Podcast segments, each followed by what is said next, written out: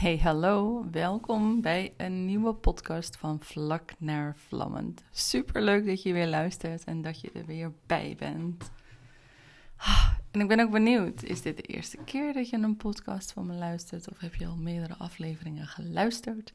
En als je nou denkt van, Lee, ik vind jouw podcast leuk, dan kan je me ook helpen om deze podcast meer te laten zien aan de wereld om ons heen. Want we werken helaas hier ook met algoritme. En als je algoritme nog niet mega hoog is, als een van de hoogste podcasts, dan, dan kan je nog wel eens onderaan uh, de trap belanden. Dus al zou je mij hiermee helpen, willen helpen, zou ik dat echt super tof vinden. Je kan hier al naar de algemene pagina gaan. Ja. En dan helemaal omhoog scrollen, dus in mijn podcast afleveringen. En dan helemaal bovenin zie je een sterretje staan. En als je op dit sterretje klikt, dan kan je mij reviewen. Dus je kan het aantal sterren geven. En heeft ook nog zelfs een reactie daaronder laten. Dus als zou je dat willen, zou ik dat echt heel super tof vinden. Ik heb net een podcast opgenomen over celibatair zijn hoe interessant dat was en wat het allemaal met mij heeft gedaan en hoe die celibatairheid hielp uh, met mijn sensuele leven, met mijn seksuele leven. Dus als je hier benieuwd naar bent, zou ik zeggen, luister de andere podcast hierover even. Um, wat daarbij net bij mij omhoog kwam, is dat ik de afgelopen weken merkte van, hé hey ik loop een beetje vast. Ik ben er een beetje klaar mee met ja, hoe we als ondernemers allemaal de hele tijd aan elkaar zitten te verkopen en dat we iets van elkaar moeten. En ehm, ja, hoe je nou de beste plek in deze red race uh, inneemt en hoe je jezelf uit deze red race kan stappen en kan zeggen van fuck this shit.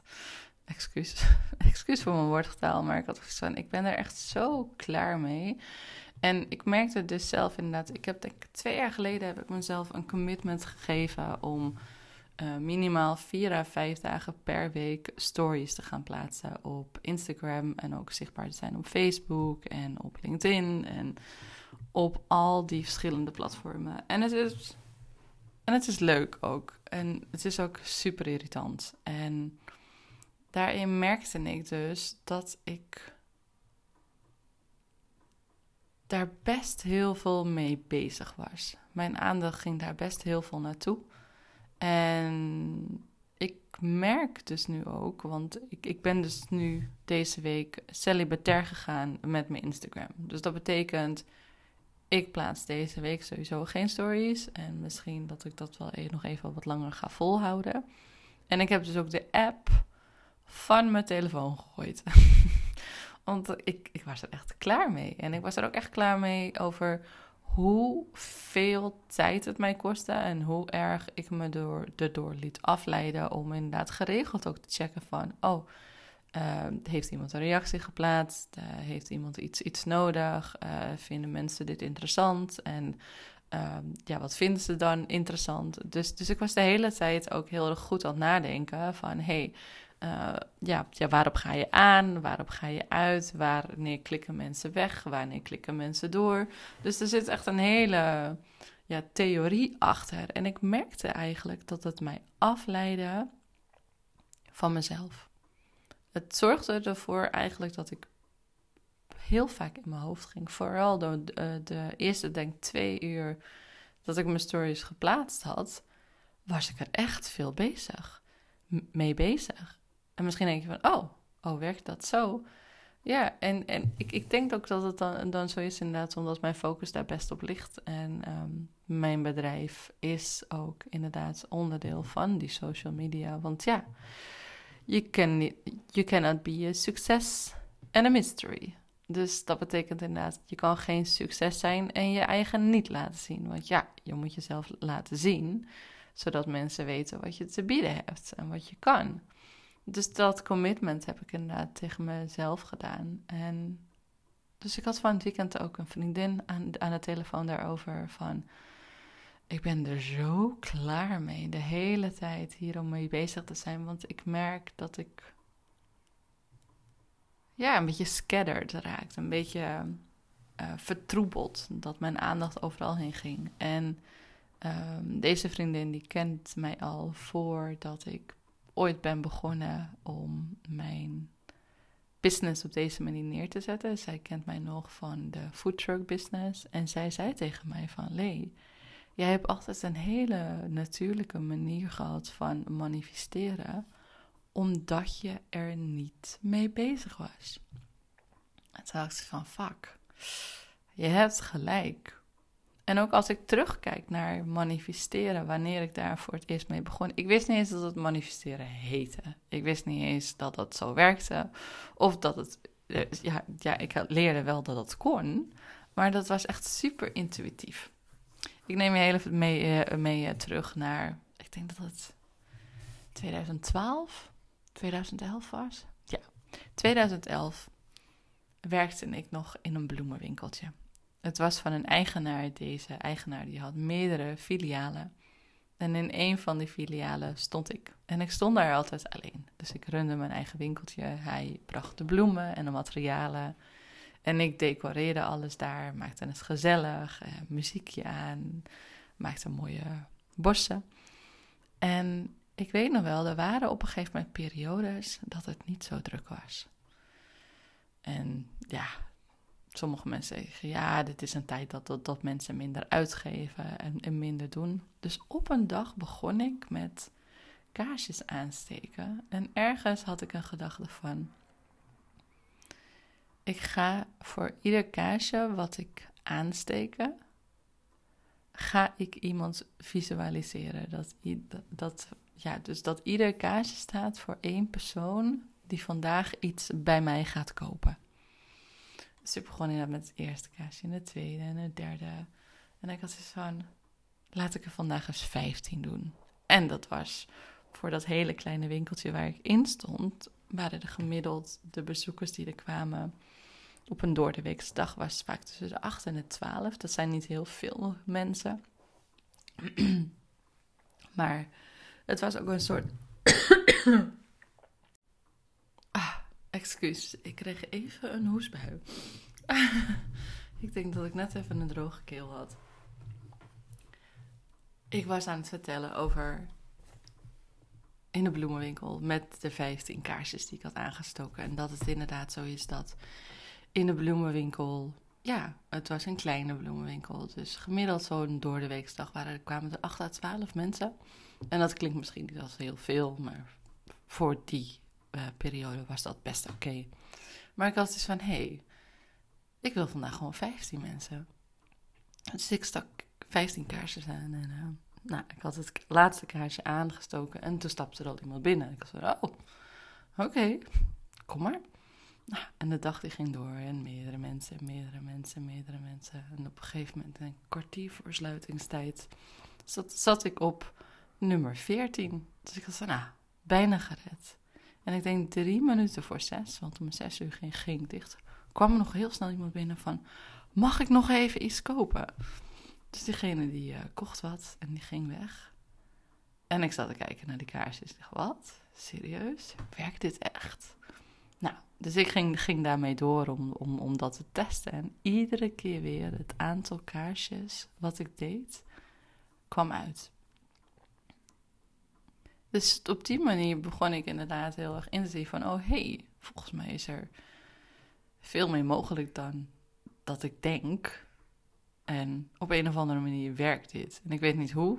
En het maakt me ook niet heel veel uit hoe. Maar ik ga er gewoon lekker mee verder. En die manier paste ik telkens meer toe ook in mijn leven. En ik denk ook dat ik dat een hele tijd heel onbewust ook heb eh, toegepast. En dat ik me er zelf telkens meer van bewust raakte. En dus ook inderdaad in de tijd dat ik mijn eigen voetdruk had en hoe ik het gewoon regelde om telkens weer op een festival te staan, dat ik dacht van wauw, ik ben hier gewoon binnengekomen. En het, het ding is met, met, met, met, met het festivalleven ook dat, ja, het maakt niet heel veel uit wie je bent. Het gaat er meer om wie je kent. En dat is gewoon het allerbelangrijkste, dat je een netwerk hebt, dat je connecties hebt om op plekken binnen te komen. En vooral in het begin hadden we die gewoon nog niet. Weet je, dat uh, moet je opbouwen. Dus dat ik op een gegeven moment weer echt gemanifesteerd had dat ik op uh, het Happiness Festival ook, stond. Omdat ik zoiets had van, ah, dat zijn mensen die ook echt wel openstaan voor een plant-based kitchen. Want mijn partner en ik die hadden een, uh, een uh, veganistische keuken. En um, dat was in, we waren in 2016 begonnen. En in 2016 was een veganistische keuken nog helemaal niet zo hip zoals het nu is. Want nu heeft, e heeft iedereen het er wel eens over en eet iemand, iedereen iemand sowieso wel eens vegetarisch of veganistisch in de week. Dus het wordt um, telkens normaler. Maar in die tijd was dat nog helemaal niet zo. En de happiness was, was toen wel al bezig met bewustere voeding. Met een uh, andere manier van naar um, ja, de wereld kijken in, in, uh, met betrekking tot eten. Dus ik had zelfs iets van, ah, het lijkt me echt super vet om daar te gaan staan. Maar in mijn ogen was dat toen best al een grote brand. En ja, ja da daarom moet je wel echt me mensen kennen. Maar ik had dat dus inderdaad. Ik, ik had een, uh, een moodboard gemaakt. En um, daarin had ik allemaal plaatjes van onze voetdruk trekkend door het uh, land. En daarbij had ik dus ook neergezet van... wij staan op het Happiness Festival, die en die datum, dat en dat jaar. Is echt die uh, duidelijkheid. En, ik, uh, um, en het was de dag dat het festival begon. Nou, dus het festival begon daar al en wij waren niet uitgenodigd. Dus ik dacht, nou, jammer, weet je wel. Niet, niet gelukt deze uh, manifestatie, maar oké, we gaan verder. Na die eerste dag, het was avond, ik denk dat het een uur of negen was, ging de telefoon. Ik dacht, wat is dit nou? Ja, met de organisatie van het Happiness Festival. Dus ik kijk mijn partner aan en die zit mij aan, aan te kijken van wie heb jij aan, de te uh, telefoon. Dus ik begin een beetje te, te lachen. Ik zeg ja, ja um, wij hebben nu de eerste dag, dag van, van het Happiness Festival gedraaid. En het blijkt toch nog een heel stuk drukker te zijn dan dat we hadden verwacht. En uh, ja, we hebben eigenlijk nog een voetdruk nodig. Zouden jullie morgen kunnen komen? het was negen uur s avonds. En dus ik tegen haar, ik zo, hoe laat verwacht je ons dan morgen? Half negen. Ik zo, half negen? Ik zo, lieve schat, het is nu negen uur. We moeten nog inkopen doen. We moeten mensen regelen. En we moeten nog taarten bakken. Hoe gaan we dit doen? Dus zei ze: Oké, wat als jullie er om 11 uur zijn? Ik zo: Dat gaat lukken. Dus ik hang de telefoon op. Ik zeg tegen, hey, eh, tegen mijn partner: Lief, we gaan morgen naar het Happiness Festival. Hij zei: Wat? Hoe heb je dit dan weer gemanifesteerd? Ik zo: Ik heb geen idee, maar hoe dan ook, we gaan. Nou, dus wij inderdaad de truck ingeladen, een vriendin gebeld die ons altijd uit de, uit de brand helpt. En zij zei, cool, ik kan, ik heb toevallig morgen niks, niks gepland staan en ik kan met, met jullie mee. Nou, dus wij inderdaad die avond al nog alles ingeladen. Uh, S'morgens heel vroeg begonnen met taarten bakken. Daarna door naar de groothandel. Alle dingen inkopen die we nodig hadden. En huppatee, wagen vol met eten door naar het Happiness Festival, waar wij om half elf aankwamen. Alles echt als een malle opgebouwd. En ik denk dat om elf uur stond er al echt een dikke rij met mensen voor onze toko. En wij hadden zoiets van, jongens, het duurt nog een half uurtje. En iedereen had zoiets van, oké, dat is goed hoor. En wij hadden zoiets van, oh my god, dit wordt wat. Want iedereen is hongerig en iedereen die wil op een of andere manier ook bij ons. En ook bij de anderen. Nou, dus wij inderdaad om half twaalf die toko open. En we hebben de hele dag gedraaid als een malle. En ja, gewoon zo vet om op deze manier bezig te zijn met die manifestatiedingetjes.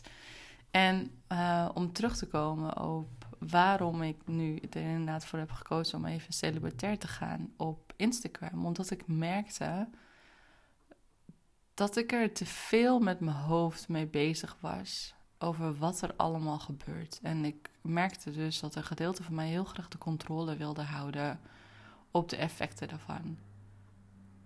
Daarbij ben ik me nu ook heel bewust van ehm, mijn human design. Mijn human design is inderdaad als je, volgens mij is het astrologie en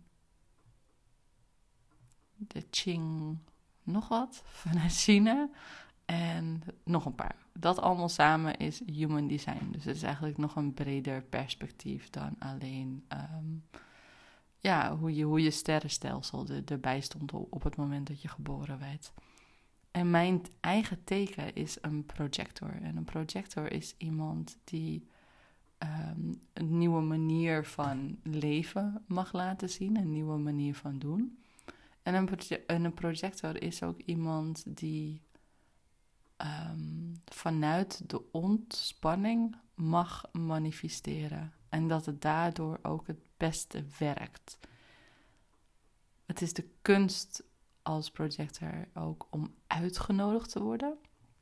Uitgenodigd te worden voor een samenwerking met iemand. Of als iemand hulp van mij wilt uh, met het ontdekken van uh, haar eigen sensualiteit, haar genot, haar grenzen, haar ja, haar nee, haar boosheid te kunnen uiten, ben ik degene die mag wachten op die uitnodiging en niet zelf die uitnodiging mag gaan initiëren. En ik denk dat ik dat een beetje ook te letterlijk had genomen en daardoor dacht van, oh, dan moet ik heel veel zichtbaar zijn, dan moet ik heel veel bepaalde dingen doen. En ja, ik ben ook mens en ik merk dat ik daar een beetje in was doorgeschoten. En de grap is ook, begin dit jaar heb ik een week in een stilteklooster gezeten. En in dit stilteklooster moest ik natuurlijk meteen mijn telefoon inleveren. En ik weet nog dat op het moment dat ik het klooster uitkwam en mijn telefoon aanzette, dat het huisje wat ik heel graag wilde geregeld was. Dat ik twee aanvragen had voor nieuwe klanten uh, voor in Nederland die heel graag met mij willen, willen gaan, wouden gaan werken. En nog een paar andere dingen. Dat ik dacht van wauw, ja, ik mag veel meer in die vertrouwingsmodus, veel nog meer naar achter leunen. Dus vandaar dat ik nu weer deze week dit experiment met me aanga om te kijken van hé, hey, wat gebeurt er? En ook dat ik een betere focus kan houden. Een betere focus op wat belangrijk is. In plaats van die vertroebeling te laten gaan door telkens in te checken van... oh, hey, moet ik eh, op iemand reageren op mijn stories? Uh, hoe worden de stories ontvangen? Ziet iemand het? Bla, bla, bla, bla. Dus het is, het is allemaal schijncontrole houden natuurlijk. Want het zegt helemaal niks. En het brengt me weg van mezelf. Dus vanuit daar ben ik nu terug naar mezelf aan het gaan. En het interessante is, de grap is, ik merk dat er een soort van verslaving ook zit op dat Instagram. En hoe makkelijk het je in de ban houdt. Ik heb nu inderdaad die app verwijderd van mijn telefoon. Wat al echt een hele goede stap is. Maar dat, het, maar dat het er zo ingeprent zit dat als ik ehm, een telefoontje heb gehad. Of als ik uh, wat uh, gecheckt heb, wat, wat ik heel even moet checken. Als ik, als ik maar iets gedaan heb op mijn telefoon, dat ik automatisch, dus vanuit mijn onderbewuste, twee dingetjes doorswipe om richting mijn Instagram te gaan. En nu kan ik me erop betrappen, want dat symbooltje is er dus niet meer op mijn telefoon. dus ik ben aan het swipen en dan word ik me in één keer bewust van wat ben ik nou eigenlijk aan het doen.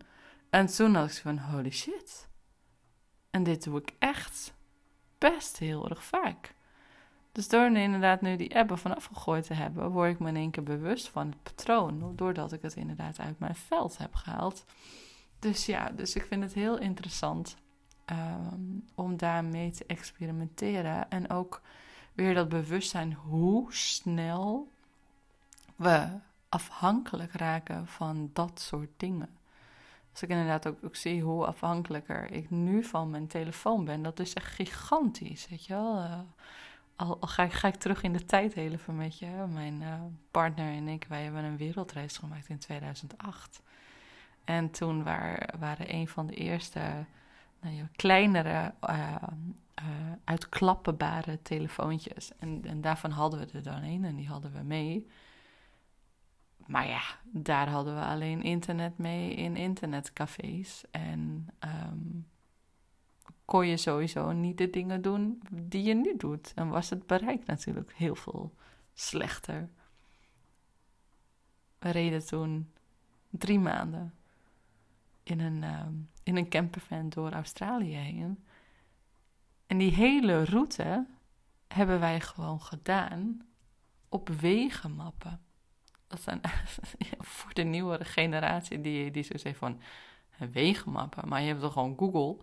Ja, nee, nee, nee, toen nog niet. Toen, uh, had je echt uh, van die straatmappen, van die wegenmappen. En daarvan hadden we er een, een stuk of vier in onze auto uh, liggen. Omdat ja, iedere staat had zijn eigen map, omdat het anders ja, te veel en, en te dik werd. En aan de hand daarvan gingen wij kijken naar welke straten we moesten als ik daar nu naar terug denk van wauw, hoe hebben we dat ooit gedaan? Maar toen was het ook zo normaal en zaten we helemaal niet zoveel vastgevreten in die telefoon. En ook in mezelf merk ik en zie ik ook terug dat ik in die tijd zoveel meer rust ook had. Door, door niet zo gefocust te zijn op dat ding. Omdat wij inderdaad, we besteden er echt heel veel tijd aan. En ik denk dat ik zelf inderdaad gemiddeld zo'n nou ja, tussen de 20 en 40 minuten per dag wel aan, aan het kijken, aan het scrollen, aan het inventariseren, stories plaatsen, posts plaatsen, al dat soort verschillende dingen aan het doen ben. Verdeeld over de dag heen. Dus niet in één vast tijdsblok, maar echt over meerdere momenten heen. En dat zorgt er echt voor dat jij je focus je de hele tijd af laat leiden door dat ding. En dan vinden we het gek dat we inderdaad een beetje overprikkeld zijn en een beetje in de war zijn. Maar dat is het helemaal niet, omdat het, ja, eh, je, je, je brein heeft telkens, wat was het, vijf minuten nodig om weer op een nieuw project zich te kunnen, concentreren.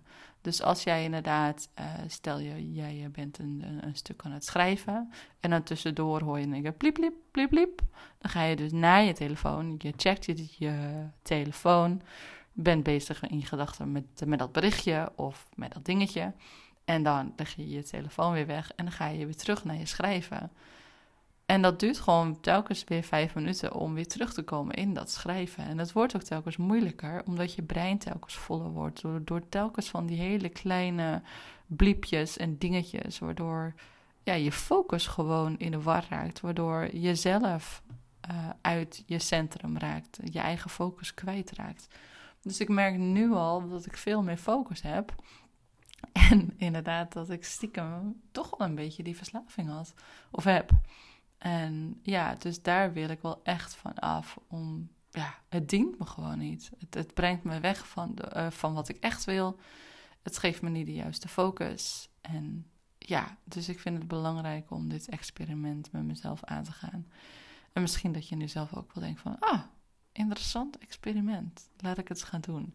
Al ga je dat ook doen, let me know wat jouw bevindingen hierin zijn. Daar ben ik wel heel erg benieuwd naar. Hmm. Dankjewel weer voor het luisteren. En ik wens je een hele fijne dag en een hele dikke knuffel.